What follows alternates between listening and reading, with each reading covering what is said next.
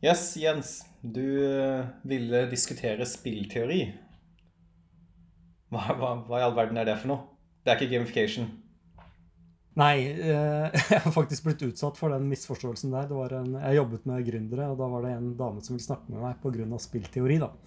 Og hun hadde jo da tenkt å utvikle et spill. Og så tok det vel en halvtime før jeg kom til Jeg skjønte hvor, hvor hun hadde bomma.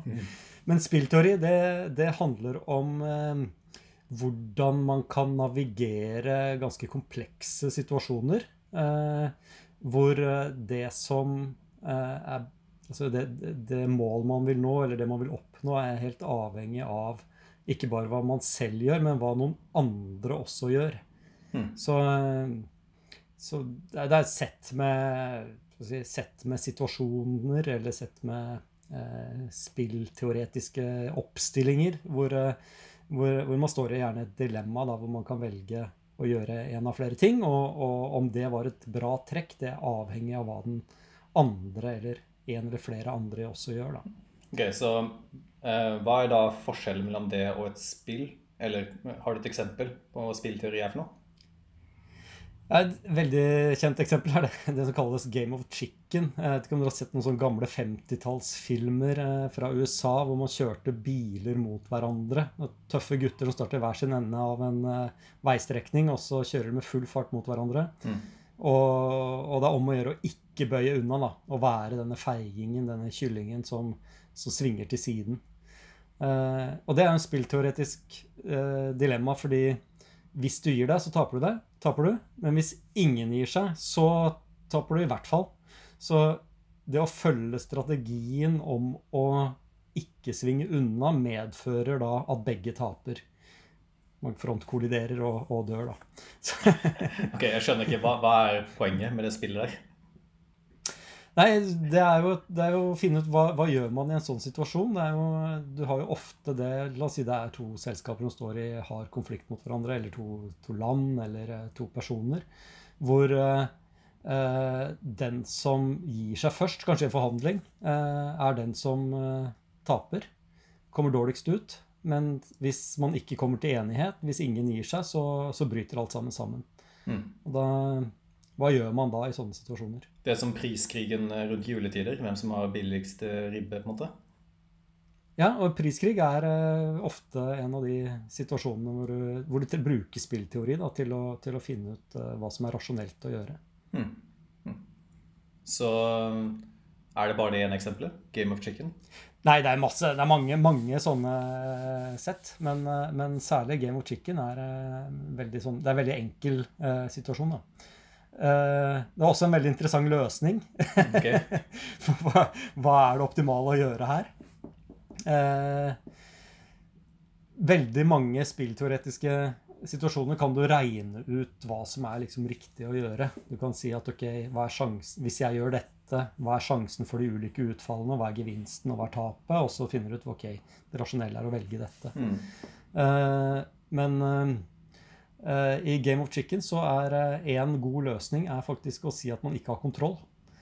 Eh, ta, du vrir av rattet av bilen og holder den ut av vinduet og, viser at du, og river ut gassvaieren og bare viser at bilen min den går rett fram uansett hva jeg gjør. Så det er du som må bytte. Du må svinge unna, for det klarer ikke jeg. Så det er et eksempel, da.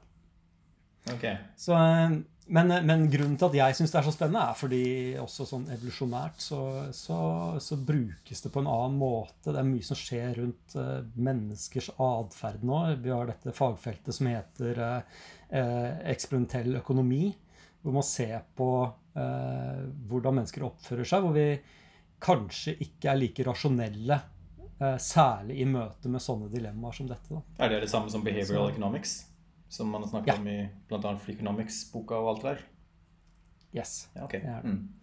Men uh, så spillteori er rett og slett modellering av mennesker i gitte situasjoner? Eller? Det er modeller modellering av uh, I hvert fall i noen fag da, så er det modellering av rasjonelle aktører i, uh, i litt vanskelige situasjoner. Hmm. Så eh, man kan gjerne ta for gitt at eh, begge, begge, aktørene er rasjonelle, eller alle aktørene er rasjonelle, og da, eh, da, finner man ut hva som er riktig å gjøre. Hmm. Men eh, hverdagen din er jo ikke at du sitter i en 50-talls amerikansk bil og kjører i full fart mot en annen konsulent. Er du sikker? det føles litt sånn. Nei, dette er jo ikke Eh, ja. Men Nei, jeg, hvorfor er du interessert i spillteori nå? Jeg tenker eh, Dette er interessant eh, både sånn på selskapsnivå når det gjelder strategi. Eh, Der tror jeg det blir brukt ganske med, eh, mye, eller blir brukt en del. Eh, Men også interessant i forhold til dette her med et, et annet spill hvor, eh, hvor eh, dette med å samarbeide har en kostnad for den som samarbeider, og det er mulig å la være å gjøre det. Kjenner det jo fra, eh, fra miljødiskusjonen, f.eks. Hvor man kanskje kan ta en kjempekostnad i Norge ved å legge ned oljenæringen. Men det har ikke noen effekt. Eh, Det skader bare oss hvis ikke alle andre gjør det samtidig. Eh, Og det er en mer sånn dagligdags situasjon at du får dette med Man kaller det allmenningens tragedie. At vi klarer ikke koordinere oss godt nok til å få den gevinsten vi kan få hvis alle samarbeider. Men uh, fins det noen uh, guidelines eller retningslinjer eller uh, teorier i uh, spillteori som vi kan bruke innenfor vår bransje? altså, vi kan jo ikke bare dra over rattet og fortelle konkurrenten at eh, vi ikke har noen kontroll over hvor det går med prisene våre. Nja. Jo, men eh, så er det egentlig det du kan gjøre. Eh, Det er bare at det ikke er lovlig. Eh, Det er det som kalles prissamarbeid. Eh, Fordi det det handler om, er jo å klare å signalisere til andre hva du har tenkt å gjøre, før du faktisk gjør det. Eh, Og det er det som gjerne kalles for stilltiende eh, prissamarbeid. Som er typisk at en aktør kan gå ut i media, f.eks. Og si at vi kommer aldri til å sette ned prisene. Eller å si det motsatte. Vi kommer til å Vi skal være billigst på denne varen. Eh, Så da har du egentlig sagt til alle andre hvis dere senker prisen, så kommer vi òg til å senke prisen. Så du har sagt fra hva din respons kommer til å være. Og da vil jo deres beste svar være å ikke sette ned prisen. Så beholder alle god profitt. Men eh, det er vel ikke lov? Nei, eh, det, det er egentlig ikke det. Og så er det selvfølgelig noen gråsoner av, av dette. Det, det er noe du kan si og, og sånt, men, eh, men det har vært eh, dom på at eh, prisløftet f.eks. ikke er eh, helt lovlig, for det er en form for prissamarbeid. Eh, Og, og i Norge og, og de fleste andre land så er noe av det vi eh, er veldig opptatt av, eh, er eh, god konkurranse. Eh, God konkurranse er godt for forbrukere. Det er bra for innovasjon. eh, Og derfor så, eh, så ønsker en ikke at bedrifter skal samarbeide om å sette priser. Hmm. Men uh, fins det noe annet enn pris som er lov?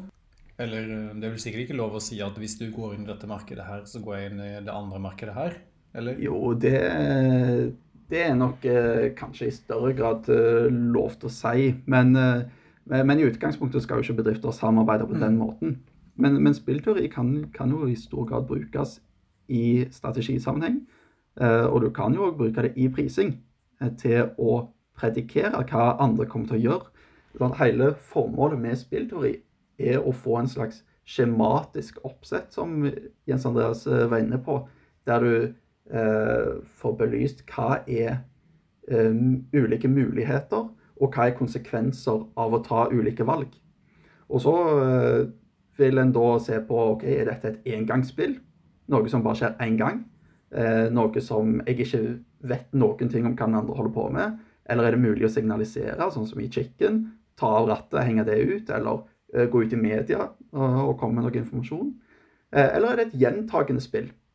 der vi to skal stå og selge is på sida av hverandre i mange dager etter hverandre. Sånn, så hvis jeg gjør noe én dag som, som jeg kanskje tjener på på kort sikt, men så vil du ta hevn neste dag, og så havner vi ned i en sånn dårlig spiral, som er typisk en priskrig. Eh, sant? Der vi driver hverandre ned til bunn. Som er da, selv om du ikke har inngått et samarbeid for å holde prisen oppe, så kan en likevel unngå å havne i en priskrig, fordi begge er klar over konsekvensene. Og det er nok der kanskje bedrifter skiller seg litt fra mennesker. Eh, fordi en har jo denne antakelsen om homo economicus, eller rasjonelle mennesker. Og vi mennesker er jo ikke rasjonelle, men kanskje er bedrifter i litt større grad rasjonelle. Eh, så, så kan det nok diskuteres, eh, det òg. Men, eh, men, jeg tror iallfall en, en liten mer rasjonalitet finner en kanskje i, i bedriftsverdenen enn på det private planet vårt. Men det er et tema vi bør snakke om en annen gang. Er bedrifter mer eller mindre rasjonelle enn mennesker? Men tilbake til spillteori i strategi. Er det sånn at vi bør begynne å lese oss opp på 80-talls, 70-talls uh, spillteori og se hvordan, hvordan, vi kan bruke det? Eller altså f.eks. det å vise motparten rattet litt? Ja, jeg tenker absolutt. Uh, si du er en uh, leder og, og har en, en ansatt som, som, ikke vil yte. Og du kommer, du kommer, inn som en ny leder en plass og ser at en på teamet ditt driver og slakker. Og det, det har dårlig effekt på alle andre på teamet. Så, så hvordan skal du håndtere dette? Da kan du prøve å skissere dette opp som et spill for deg sjøl. Skal du, eh, hvis du eh, lar personen slakke, så, eh, så mister du respekten av de andre, og andre yter dårligere. Men er du streng, så kan det òg ha negative konsekvenser. Og alt kommer an på hva motparten gjør, sant? som egentlig ønsker å slakke. Men hvis, hvis det hadde blitt en personalsak, så kom han dårligere ut av det. Så da vil han kanskje heller yte igjen. og da er du egentlig inne i en game, game of chicken. Sant? Og der det kanskje er viktig for deg som leder å signalisere tydelig hva du kommer til å gjøre. Sant? For hvis du finner en eller annen måte å bryte spillet på, eller endre reglene, eh, som egentlig sier det du gjør, med å f.eks. Ha, et, uh, ha et møte med hele teamet ditt uh, første dagen eller veldig tidlig, der du er veldig tydelig på at, uh, hva slags type oppførsel du ønsker, uh, osv.